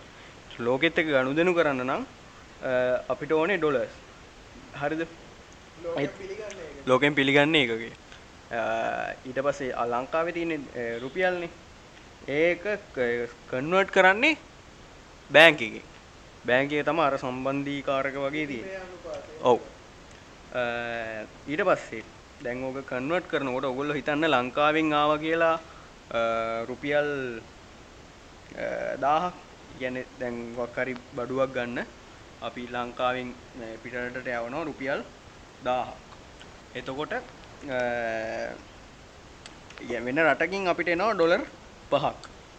එතකොට ඒ ඩොලර් 5ට අර ඩොලර් 1000 බෙදිලා තමයි යන්නේ. කියන්නේ එක ඩොලර් එකක් රුපියල් අඩුම අපි අපි මේ ඉස්සර විදියට මම කියන්නේ 2019 වගේ කාලෙදි රුපියල් 200කට කියලා ගමුකෝ අපි. කියන්නේ එක ඩොලර් එකක්. එතකොට රුපියල් 200ක අනුපාතකට තමයි යන්නේ. මේක මේක ඇවිල්ලා මේ මේ ෆොරින් එක්ස්චේන්ජ් රේට් මේක තමයි ඒක පවත්වාගෙන යෑමක් තමයි මෙතන ලෝකෙ වෙන්නේ. ලෝක විතර හැම තැනකම. ඊට පස්සේ කියනවා නම් ඉම්පෝර්ට් එක්ස්පෝර්ට් ඒ කියන්නේ ආනයන අපනයන සහ දැන් ලංකාවට ඩොලර් එන විදි තියෙනවානේ. ඩොලර් යන විදි තියෙනවා. දැන් එන විදි ගත්තොත් නම් අපි එක්ස්පෝර්ට් කරනවා. ඒක නම් එන්නෙම නැති තරම් වගේ මට නම් හිතෙන්නේ. ඔව් අපනයන ආර්ථිකය කියලා ලොකුට තියෙනවද අපිට? ඒක තමයි. මේ කොහොම හරි ටුවරිසම් එකෙන් එනවා ඒකත් නැති වුණා මම හිතන්නේ කොවිඩ් එකේ. කොවිඩ් එකේ. හැබැයි දැන් ඔව් දැන් නම් ටිකක් ඔව් දැන් නම් චුට්ටක් නැගී තියෙනවා. තියෙනවා. ඒත් මේ ප්‍රොටෙස්ට් හින්දා පොඩි අඩුවක් තියෙනවා දැන් අපෝ. ඔව් ඩොලර්ස් එන විදිහක් කියලා මම කියන්නේ දැන් වෙන රටවල් වල ඔව් ඒ වගේම වෙන රටවල් වල බිස්නස් බිස්නස්මන්ලා ඉන්නවා මෙහි ඉන්වෙස්ට් කරන ඒගොල්ලන් ඉන්වෙස්ට් එක වැටුණා මේ ඔය ඩොලර්ස් එක නගින්න ගත්තම ලංකාවේ ඔව්. ඩොලර් මේක වැටුණා. ඉන්වෙස් නෑ ඉන්වෙස්ට්මන්ට් කියන්නේ මම කියන්නේ මෙහෙම ඒගොල්ලන්ගේ රටේ ලේබර් කොස්ට් එකට ගෙවනවට වඩා ලංකාවේ ලේබර් කොස්ට් එකට අඩුවෙන් නම් ගෙවන්න ඕනේ ඒගොල්ලෝ මේ කම්පැනි පටන් අරන් මෙහෙන් එක්ස්පෝර්ට් කරගන්නවා ඒගොල්ලන්ගේ රටට ඔව් ඉතින් මේ ඔව්. influence ලා ඇත්තේ. හැබැයි ඒකෙන් වෙන්නේ ආපු ඩොලර් ටික ආයි ඒ රටටම යන්නේක මිසක් මේ නිකන් රැකියා ටිකක් හම්බෙන එක විතරයි ලංකාවේ මම දකින විදිහට වෙන්නේ. ඒ කියන්නේ ෆොරිනර්ස් ලෙවල්ලා ඉන්වෙස්ට්මන්ට් ඉන්වෙස්ට් කරාම. ඉන්වස් කියන්න මේ ප්‍රොජෙක්් පටන් ගත්තා ඔව්. මොක්කර දෙයක් ගොඩනගන්න පටන් ගත්තා. ඔව්. මේ දැන් අපි කොහොමත් ඕන රටක් ඉම්පෝර්ට් එකයි එක්ස්පෝර්ට් එකයි එක්කයි දුවන්නේ එතකොට ලංකාවෙන් ලංකාවේ අර දැක් පොඩි ළමයකින් ඇහුවාම එක්ස්පෝ ලංකාවේ මොනවද එක්ස්පෝර්ට් කරන්න කියලා හැමෝම කියන්නේ රබර් දැන් දැන් ඒවා නෑ. ඇඳුම්? ඇඳුම්. දැන් ඒවා මේ ඇඳුම් කියනවා දැන්. මේ අර තේපොල් රබල් සීන් කාලේ ඉවරයි. ටයර් තියෙනවා. කම්මලි සීන් ඒක ඉස්සරම තිබ්බනේ. තාමත් තාම තියෙනවා මේක දැන්. ඒකෝට මොකද්ද ටයර් එක? ආ. ඒකත් මේ හරි මේ අනුජ මට මේ පොඩි දෙයක් කියන්න ඕනේ මේ අර ලංකාවේ වේගකාරක ගැහුවනේ. අනේ දර ඒ ඔටෝමොබයිල් ඉන්ඩස්ට්‍රී එකට ඒකට මොකද බං ඊට පස්සේ උනේ? මේමයි මම කියන්නේ. දැන් රටේ වේග ඒකත් දැගෙන ආයෝජනයන බාලුත් ඉන්ඩස්ට්‍රියකට මේකක් ගන්න අනිත්තක බං අච්චරට සුපිරි කම්පැනිය එකක් එක්කන අපි මේ තරග ගියේ. ඒක මෙහෙමයි මම කියන්නේ වේග වේග සමම කලිනුත් කියලා තියෙනවා. වේග කියන එක ලංකාවේ සාමාන්‍ය මිනිස්සෙක්ට ගන්න බෑ මේ වේග හෙකුත් ලංකාවේ හැදුවා නම් මම කියන්නේ ඇයි අනිත් ඒවා හදන්න බැරි නෑනේ? වේගයක් ලංකාවේ හැදුවා කියන්නේ? දැනුම තියෙනවා. දැනුම තියෙනවා. මේ මම දැක්කා ඒ වේගයකට ඕනේ සමහර කෑලි පාර්ට්ස් නම් මනම් ගෑනලා තිබෙත් මේ වෙන රටකින්. හැමදේම ලංකාවේ හදන්න බෑ. ඒක හැමෝම පිළිගන්න ඕනේ. ඒ කියන්නේ කිසිම රටක එහෙම නෑනේ. ඈ මේ මං හිතන්නේ Apple එකේ වුණත් කොහෙන් හරි මේ ඇපල්ල වුණත් සමහර ඇතුළ චිප්ස් තියෙන මේ තනිකර මේ සැම්සුන් නරව මේවා කැමර එක ගාන සෝනයකෙන්ද කොහෙද? ඒක තමයි ගොඩ සැම්සුම් අරාම ඩිස්ලේ ගහන්න සැම්සුම්නේ ඕ මම ඒක කියාගෙන ගියේ. අපි හැමදේම මේ එක්ස්පෝර්ට් කරනවා ඉම්පෝර්ට් කරනවට එක ගියා වුණාට මේ හැමදේම තමන්ගේ රටෙන්ම බලාපොරොත්තු වෙන්න එපා කියලයි ඒත් මේ වැඩි හරියක් තමන්ට සල්ලි එන්න එක්ස්පෝර්ට් කරන්න මේ ඔගොල්ලොත් ඉස්සරහට බිස්නස් එකක් පටන් ගත්තොත් හොඳයි. අ, මේ ලෝක යන ට්‍රෙන්ඩ් එකත් එක්ක. මොකද මේ ඉස්සරහට මේ ඩොලර්ස් නැතුව බැරි වෙන සීන් කෝන් එකක් යන්නේ. මේ හරි මම කියන්න ගියේ දැන්. අ,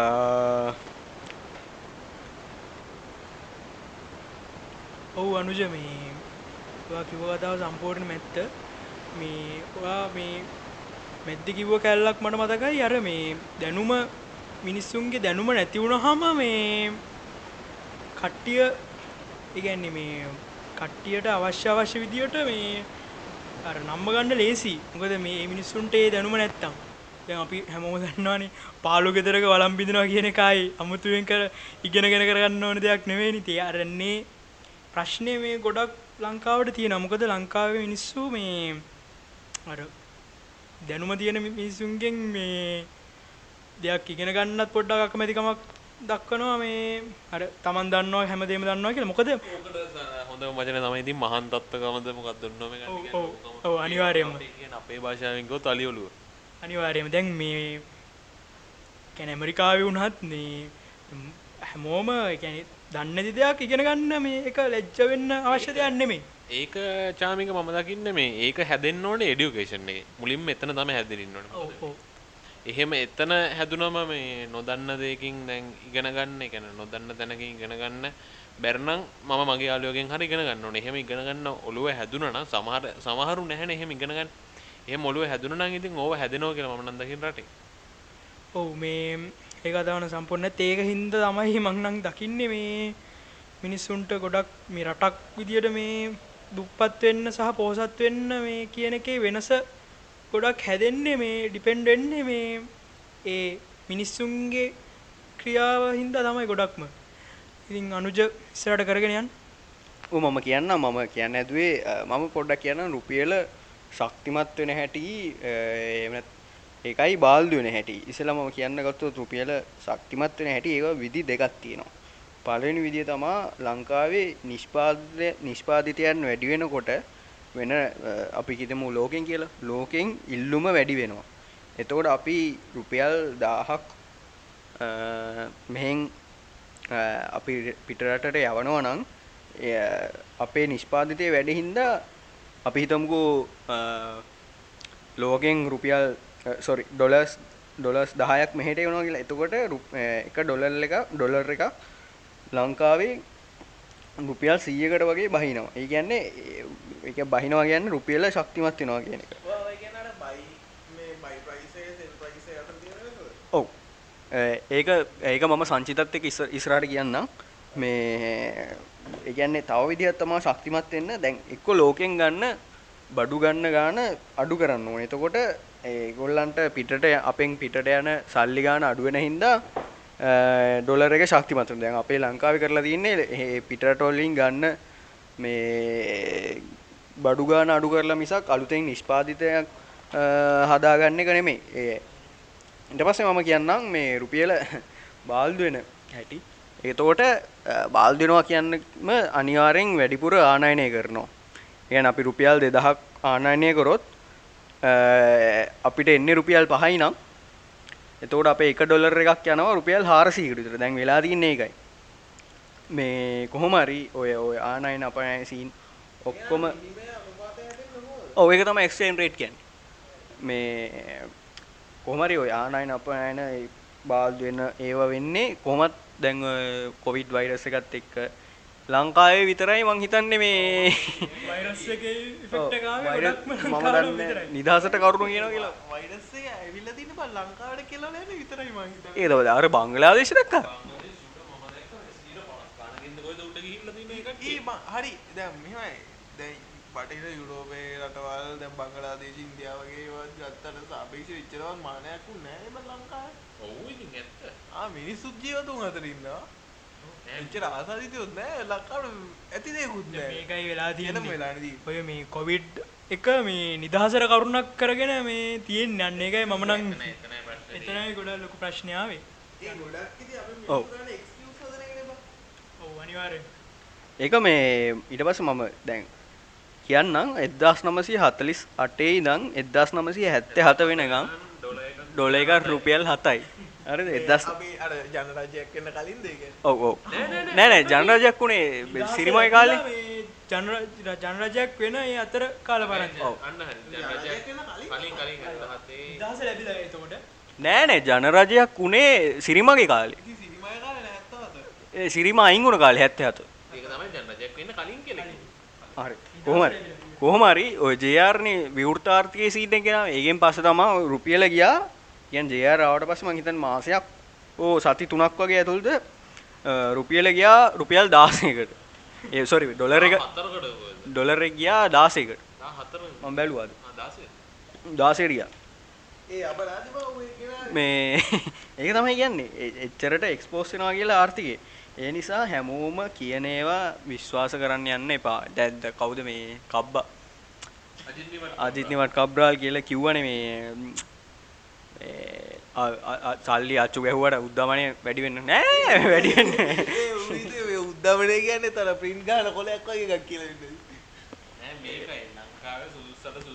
උන්න නම් ඔය මුකුත් ප්‍රශ්නයක් වෙන්නේ නෑ. ලංකාවේ ඉස්සර ඉඳලා උනේ සුදුස්සට සුදුස්ස වෙන නෙමෙයි අර පවුල් කොහොමත් අර අපිට නිදහස දෙන්න කලිනුත් කවුද ආණ්ඩුකාරවරයෙක් කියලා දිනවනේ. මේ ඔය කට්ටිය නිදහස දෙන්නේ නැත්නම් නිදහස දුන්නොත් මෙතනින් පස්සේ පවුල් පාලනයක් යන්නේ.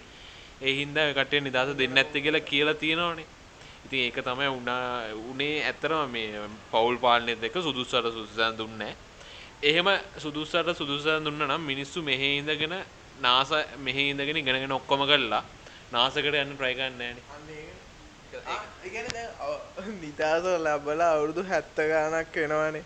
හරිද? ලංකාවේ දැන් ලොකුම කතන්දරේ මේකයි. දැන් අපි මැත්ස් කරපු කට්ටියනේ අපි දන්නවනේ දැන් ෆිසිකල් ස්ක්‍රීම් එකට යන්න තියෙනවනේ.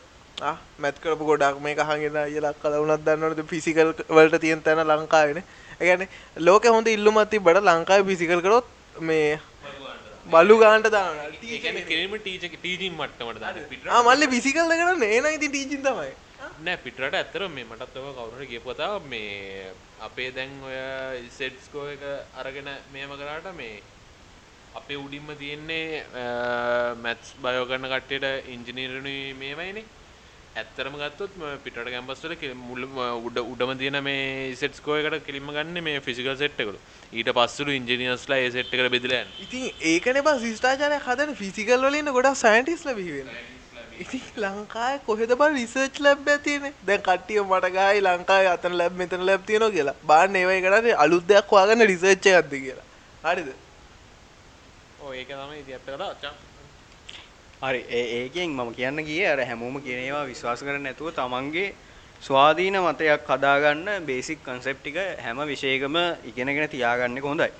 මේ ලෝකෙම ලෝකෙ දැන් ලෝකෙම නෙමෙයි මිනිස්සු හිතනවා ආර්ථිකය ගැන වැරදි විදිහකට. ඒ කියන්නේ වැරදි මත විදිහට මම කියන්නම්කෝ. මිනිස්සු හිතනවා ගුඩ් ඉකොන් ඒ කියන්නේ අතේ සල්ලි තියෙනවා නම් මේ හැමෝම ඒ කියන්නේ දියුණුයි කියලා. ඒක ඒක අනුසෙක් සාර්ථකයි කියලා කියන්න උට විසික් කරන සල්ලි තියෙනවා. ඔව් ඒක එහෙම නෑ. මම කියන්නේ මේ මිනිස්සෙක් නෙමෙයි මම කියන්නේ රටකට. රට හරිද? ඒ කියන්නේ අපිට දැන් රුපියල් ඕන නම් රුපියල් කියන එක ඔය ප්‍රින්ට් කරලා ගැහුවේ. ඒ වගේ ඩොලර්ස් ඔව්. ඩොලර්ස් ඕන නම් මේ අපිට පුළුවන් මොකක් කරේ කෝ එක්ස්පෝට් කරන්න. එහෙම නැත්තම් විකුණන්න පුළුවන්. හාල් තියෙනවා තේ තියෙනවා වරායවල් තියෙනවා. මේ තව තියෙනවා නිදියක් තියෙනවා. බලාගාර තියෙනවා. එහෙම මොන හරි විකුණන්න පුළුවන්. ඒ ඒක තමයි. ඒ කියන්නේ ඒ බේසික් කන්සෙප්ට් එකවත් දන්නේ නැති මේ උදල් ඇමතිලා දානේ මන්ද මම කියන්න ආස නෑ බා කොහොම හරි මේ ඒ මිනිස්සු මිනිස්සු ඒ කියන්නේ ආර්ථිකයේ ආර්ථිකය ගැන වැරදි මතයක් තියාගෙන මේ ආර්ථිකය ගැන සල්ලි ආවට මිනිසුන්ට මුකුත් පරිභෝජනය කරන්න නැත්තම් ඉතින් වැඩක් නැහැ නේ බා. මේ නිෂ්පාද ඩිග්‍රියක් ගහපු එකන්නේ බං කලින් අර මේ සමීකරණයක් ගෙනාවේ. කවුද නෑ නෑ නෑ අර අවුලක් නෑ දැන් යා මැරිලානේ කොහරි මේ මම කියන්නේ ගියේ සල්ලි ආවට මිනිසුන්ට පරිභෝජනයේට මුකුත් නැත්තම් ඒ කියන්නේ ලංකාව ඇතුළේ නිෂ්පාදන මුකුත් වෙන්නේ නැත්තම් මේ සල්ලි කාලා තමයි ජීවත් වෙන්න තියෙන්නේ. කොහොම හරි ඒක ඇවිල්ලා එක මතයක්. ඒ කියන්නේ හැමෝටම අතේ සල්ලි තියෙනවා නම් පොසත් කියන එක ඒක ඇවිල්ලා එක මතයක්. තව මතයක් තියෙනවා හැමෝටම සල්ලි තියෙනවනම් ඒ සෝරි හැමෝටම මේ රස්සා තියෙනවනම් හැමෝටම රස්සා තියෙනවා නම් ඒගොල්ලෝ හිතන්නේ මේ හැමෝට ජොබ් එකක් තියෙනවා කියන්නේ ආ ඒගොල්ලෝ ගොඩ තමයි කියලා. ඒක එහෙම නෑ. රජේ මම මහින්දම කියලා කෙලින්ම දා උනේ. මහින්දලා එනකොට මේ මේ රජයේ රැකියා තිබ්බේ ලක්ෂ 8යි. දැන් තියෙනවා ලක්ෂ 14ක්. ඔව්. වැඩි කිසිම වැඩකට නැතුව රජයට නිකම් බරක් විතරයි මේ එකෙන් එක්ක බාණ්ඩ හා සේවාවක් නිෂ්පාදනය වෙන්න කොහොමද අපිට දැනන්නේ පොඩි වැඩකට ඒජ ඔෆිසේකටම කියම කොහොමද? පැය ගාන අපි ඒ ගවමට ඔෆිස්ස එක වැඩක් කරගන්න අපි දවසත් දාලන යන්නේ නේ. සමර්දවසල්ල මේ වැඩක් කරන එක ඇත්ත කතා අන්න ඒකනේ. ඇයිඒම වෙන්නේ? මම කියන්නේ ඒ තමයි ඒ ආකාර්යක්ෂමතාවය සහ මේක වැඩක් නැතුව ජොබ් දෙන එකෙන්. ඒ කියන්නේ කිසිම නිෂ්පාදනයක් නැතුව සල්ලි ගිහිල්ලා වැඩක් නැහැ මේ භාණ්ඩ මුකුත් ගන්න නැත්තම්. ඒක ඇවිල්ලා දෙවෙනි කාරණේ. තුන්වෙනි කාරණේ තමයි ණය නොවි සිටීම. ඒකත් ඇවිල්ලා වැරදි මතයක්. ණය නොවි ඉන්නවා කියන එක වැරදි. මොකද මේ ජපාන් මම හිතන්නේ ජපාන් වලට මාර ණය තොගයක් තියෙනවා. හැබැයි ඒගොල්ලෝ ඒක හැන්ඩල් කරගන්න දන්නවා. දැන් අපේ ඔව්. අපි නිදහස ලබල අවුරුදු හැත්ත පහක් විතර එනවා. ඔලිම්පික් ඇතිබති කිය ඒකටම ඒකම මේ ගොඩ දිනවල් අපිට මේ මාසු ගන්න පාසු ගන්න කියන අර මේ අපිට ඉච්චර ලොකු ස්ටේඩියම් හදන්න බෑ එතන මැච් දෙන්න අපේ මේ ෆුට්බෝල් ටීම් එකක් නැහැ නඩුවන් තරම් ඔව්. ඒ ප්‍රශ්නත් එක්ක හින්දා තමයි. අපි මේ මේක ස්පෝට් එකක් එහෙම අපි ලොකුවට වැලියු කරන්නේ නැහැ. ඇත්ත කතාව ඒකනේ ලංකාවේ ස්පෝට් එකක් කියලා වැලියු කරලා තියෙන මොකද්ද? ක්‍රිකට් විතරනේ පොලිබෝල්ලට ජාති ක්‍රීඩාව නිසා යන්තන් ඇදන් යනවා. නැත වෙන අනිත් මේ මේවට එච්චර ලොකු ඇලිුව ගන්න හැනේ මෙහෙමයි මම දකින්නේ. දැන් ඔය අපේ දැන් පිටරටින් ඔය ඇතරම මේ ඔය පිටරටින් සල්ලි ගන්න පුලන් එක විදියක් ඔය ස්පෝට්ස් කියන එකත්. මේ කලබ් ලේස්ලා ති කලබ් ද අරි අයිපල් එකට යනවන අපේ කට්ටියනේ. ඉති ඒ වගේ අනිත්‍යවට දාන්න බැරිද අපිට හොඳ ෆුට්බෝලස්ලා ලංකාය හදන්න බැරිද? හොඳ රගස්ලා එතකොට මේ ඊතරන්න මේ අට අනිතනි ඉන්ඩිවිජුවල් ප්ලේස්ලා ලංකායට ඒදිය ෆැසිලිටස් වැඩි කරන්නයි බැඩි ඇයි? මේ මිනිස්සු මෙහෙම කරන්න නැත්තේ? ඒ තමයි ඉතින් ප්‍රශ්නේ. කොහමරි ම දැම්ම කියන්නේ ආර්ථිකය වැරදි මත තුන. පලනි මතේ තම අතේ සල්ලි තියෙනවනම් ඒක ඒගොල්ලො හරි කියලා හිතන් ඉන්න. දෙවනි එක තමා හැමෝටම රස්සා තියෙනවනම් ඒගොල්ලො ගොඩ කියලා හිතන්.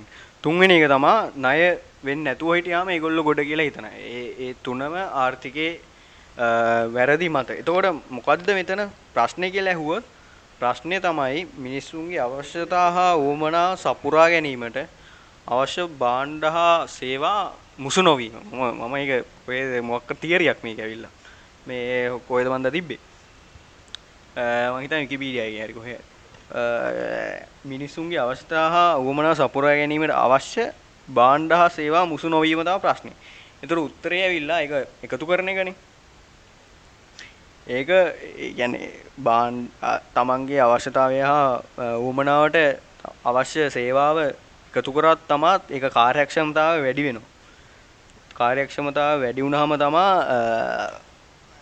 අවශ්‍ය ඉකොනොමිස් වල රටවල් රටවල් වල ලෙවල්ස් තියෙනවා. ඒ ලෙවල්ස් වැඩි වෙන්නේ මේ අවශ්‍යතාවයයි භාණ්ඩයි සේවාවයි ඔක්කොම එකට යනකොට. එතකොට ආර්ථිකය තීරණය වන කරුණු, කියන්නේ ආර්ථික රටක ආර්ථිකය රඳා පවතින කරුණු ගත්තොත් පළවෙනි කරුණු හතරක් තියෙනවා. පළවෙනි කරුණ තමා අවශ්‍යතා සැපිරීම. ඒ කියන්නේ තමන් ඒ මිනිස්සු ඒ රටේ මිනිස්සු කොච්චර තමන්ගේ අවශ්‍යතා සපුරා ගන්න වියදම් කරනවද කියලා. ඒ වියදම් කරන සල්ලි ඒ රට ඇතුළෙම සර්කල් මේක සර්කල් එකක්නේ. මේ සර්කල් එකේ යන මේ කියන්නේ කැරකි කැරකි ඒ සල්ලිම යනවද කියලා එහෙම නැත්තම් එහෙම නැත්තම් ඒ අපි හිතමු ඕගොල්ලෝ ගිහිල්ලා KFC එකෙන් හරි බර්ගර් කින් එකෙන් හරි කොහෙන් හරි කෑවා කියලා ඒ සල්ලි යන්නේ ලංකාව ඇතුලේ ඒ කියන්නේ ඒකේ වැඩ කරන අයට ගියාට ඒකේ ඇවිල්ලා ප්‍රොෆිට් එක යන්නේ වෙන රටකට. ඒක මම කියන්නේ එහෙම නෙමෙයි. අවශ්‍යත සල්ලි ඒ සර්කල් එක නම් ඒකට වියදම් කරන හැම දෙයක්ම රට ඇතුලේ යන්න ඕනේ කියලා. ඒක තමයි ආර්ථිකයේ තීරණය වෙන කරුණු ඇතුලේ පළවෙනි කරුණ. දෙවෙනි කරුණ තමයි නිෂ්පාදනය වැඩි කරගන්න ඕනේ. නිෂ්පාදනය වැඩි කරගන්නවා කියන්නේ ආයෝජකයෝ ආයෝජකයෝ ඉන්වෙස්ටර්ස්ලා ලංකාවට ගේන්න ඕනේ. තුන්වෙනි එක තමයි රජයෙන් දෙන්න ඕනේ පුල් එකක් මේ බිස්නස් පටන් ගන්නයි මේ ඒ වෙලාව ඉන්ෆ්‍රාස්ට්‍රක්චර් එහෙම නැත්නම් යටිතල පහසුකම් ඒවා දෙන්න ඕනේ. දැන් ලංකාවේ ඉස්සෙල්ලම කරේ ඒ කියන්නේ බිස්නස් පටන් ගන්න පුල් එකක් දෙන්නේ නැතුව මේ ඉන්ෆ්‍රාස්ට්‍රක්චර් හදපු මම දන්නේ ඒගොල්ලන් කමිෂන් මොකක් කරි මේ සීන් එකකටද කියලා. ඒක වෙන්නේ නැති. මේ දැන් හයිවේ හදලා වැඩක් නැහැනේ රටේ මේ ඉන්ඩස්ට්‍රීස් මුකුත් නැතුව. يعني නිෂ්පාදිතයන් මුකුත් නැතුව හයිවේ එක ගිහිල්ලා ඉතින් මේ කොහෙද වැඩක් නැහැ ඒක ඉතින් හැමෝටම තේරෙනවා අනිත් කරුණ තමයි එහෙනම් වැදගත් මේක ඉම්පෝර්ට් ඇන්ඩ් එක්ස්පෝර්ට් කියන්නේ රටක ඉම්පෝර්ට් එක අඩු වෙලා එක්ස්පෝර්ට් එක වැඩි වෙන තරමට ඒ රටේ ආර්ථිකයට ගොඩක් වාසිදායකයි. ඒක ඒක ඇවිල්ලා මේ මම කියන්නම් ඒක ඇවිල්ලා සමීකරණේ.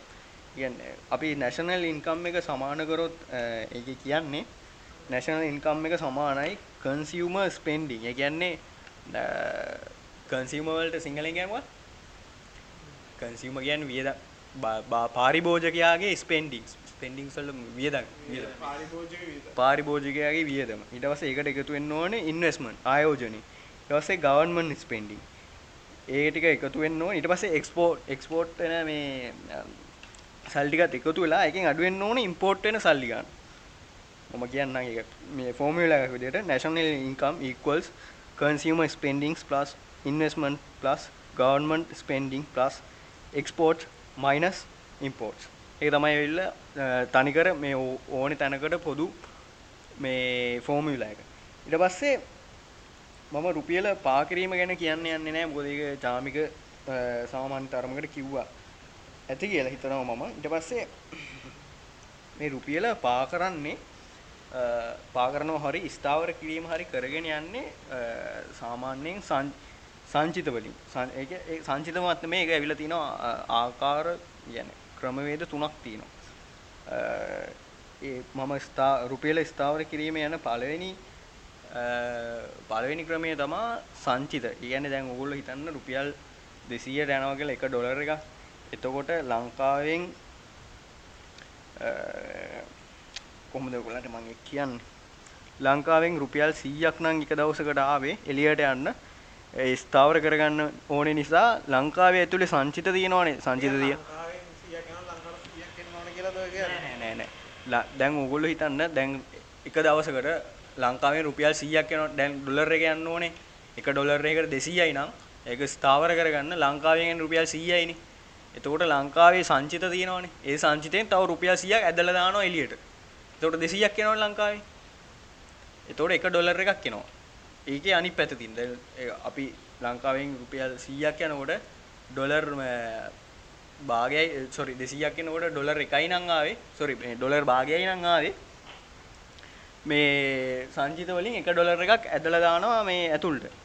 ඔය ඔය සංචිත විකිණීමයි සංචිත ලබා ගැනීමයි සීන් එකේ හින්දා තමයි මේ මයිනා කිව්වේ අ, අපේ සංචිත සිඳී ගියා අපි වියදම් කළා නේ ඉතින් මේ ඔය ස්ථාවර කරගන්න බැරිම තැන තමයි රුපියල පා කරලා තිබ්බේ. මොකද සංචිත සිඳී ගියපු හින්දා. තව විදිහක් තියෙනවා අ, ස්ථාවර කරගන්න පොලි අනුපාතය අ, කියන්නේ ඉහළ හෝ පහළ කිරීම. ඒක ඒක ඇවිල්ලා අවස්ථාවට අනුව වෙනස් වෙනවා ඉහළ පහළ කරන එක. ඊට පස්සේ තව එකක් තියෙනවා ආනයන අපනයන වල ටැක්ස් තියෙනවානේ ඉම්පෝර්ට් ටැක්ස් එක වැඩි කරලා එක්ස්පෝර්ට් ටැක්ස් එක අඩු කරොත් ඒකිනුත් පුළුවන් මේ රුපියල ස්ථාවර කරන්න. ඒ වගේම ඒකෙන් තමයි ඒ ඒ- ඒ ක්‍රම තුනෙන් තමයි රුපියල දැනට ඉම්පෝර්ට් ටැක්ස් එක වැඩි කරලා එක්ස්පෝර්ට් ටැක්ස් එක අඩු කරන්න ඕන. එතකොට තම නෑ නෑ නෑ කොහොමද? රුපියල් රුපියල ස්ථාවර කරගන්න ක්‍රම තුන. ඒ තුන තමයි ක්‍රම තුන. ඊට පස්සේ ඔය දැන් ස්ථාවර වෙන්නේ නැතු උද්දමනය වැඩි වෙලා අන්තිමන ඔය නස්බුක් වෙලා තියෙන්නේ මේ සල්ලි අච්චු ගහපු ඉඳ තමයි. ඉතින් මම දන්නේ මොන හේතුවකටද ඒක සල්ලි අච්චු ගහන එක වැරද්දක් නෙමෙයි කියන්නේ කියලා. උද්දමනය කියන එක අපි කිව්වද එක්ස්ප්ලেইন කරලා?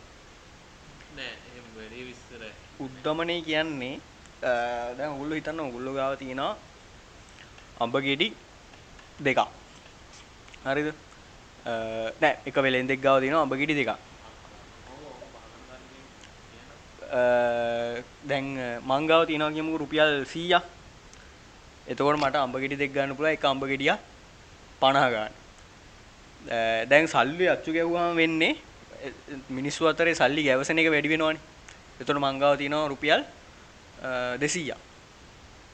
හැබැයි තියෙන්නේ අඹ ගෙඩි දෙකයිනේ. නිෂ්පාදනය වැඩි වෙලා නැහැනේ. සල්ලි සල්ලිනේ වැඩි වෙලා තියෙන්නේ කොලයක්නේ වැඩි වෙලා තියෙන්නේ. එතකොට අ, අර වෙලෙන්දා හිතන්න ඕනේ නෑනේ ආ මම මේක 50ටම දෙනවා කියලා. සල්ලි වැඩිනේ මිනිස්සු ගාව තියෙන. එතකොට ඒ වෙලෙන්දා ගේනවා අර බාණ්ඩේ උඩට ගාන වැඩි කරන. එයා එතකොට අර 200යි නම් ඒක ගානට බෙදෙන විදිහට 100ට ගේනවා. ඒක තමයි රටක උද්දමනය කියන්නේ මේ බොහොම සරල විදියට. අන්තිම සරල විදියට කිව්වේ මේක තමයි. ඉතින් මේ මේක තමයි ආර්ථිකයේ අ, මම හිතන්නේ දැන් 150 හරි 44ක් හරි අ, හෙලි නොකළ විදිහට ලංකාවේ එහෙම හෙලි කරන්න බෑ මොකද උද්දමනය එහෙම වැඩි වෙනවා කියන්නේ පට්ට ලොස් රටක් වෙනවා කියන එක. මේ කොහොම හරි අ, දැන් තෙල් ගේන්න බැරි කේස් එකකට මම දැක්කා මේ රෂ්‍යාවයි යුක්‍රේනය පිටින් යවනවා. ඒව ඇවිල්ලා දඩ බොරු. මේ එහෙම ඒවා නැහැ. ඒක තමන්ගේ නොහැකියාව වහගන්න කරන දේවල්.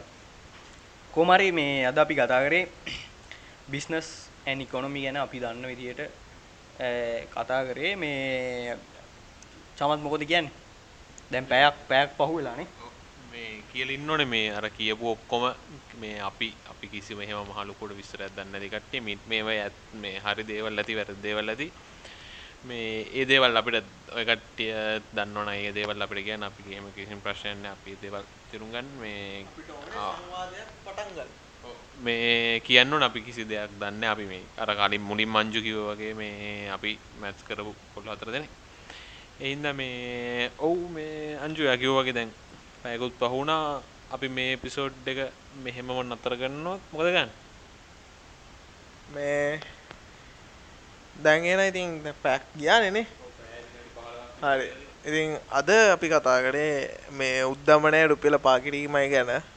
මාතෘකාවුන ඇති තියගෙන බිස්නසන් එකනොම හරි තින් බිස්නසන් එක නොමිවලදී අපිට වර්තමා ලංකාය තත්ව ති රුපියල පාකිරීම සහ උද්ධමනය.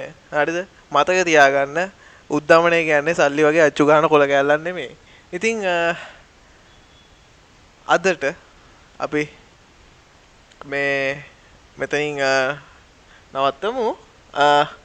අනිවාරෙන් මතක තියාගන්න මේ ඊළඟ රට ඊළඟ රට බාරගන්නන්න පරම්පරාව විදියට මේ අපි කලින්කට අපිට කලින් ජෙනරේෂන් කරපු වැඩදි නොකට ඉන්න බන්න ඕන. ඉතිං මේ ලෝකයේ වගේ ඔළුව වටේ තියෙන දේවල් ගැන හරි අවබෝධයක්වා ලබා ගන්න ඕන. ඉතිං මේ හැම දෙයක් ගැනම හොඳට හොයල බාන්න අනිවාර්ය මතක තියාගන්න. ඒ වගේම කියන්න ඕනේ අපි ෆලෝ කරන්න පුළුවන් ඉන්ස්ට්‍රගෑම් ෆේස්බුක් ඉට පස අපි වෙබ්සයිට් අපි පල්ල හැන්දාන්නම් YouTube එකින්. Google පොඩ්කාස්ටකින් අහන්න පුළුවන් ලේසියෙන්ම. ඉට පස ඇංක එෙන් තමා.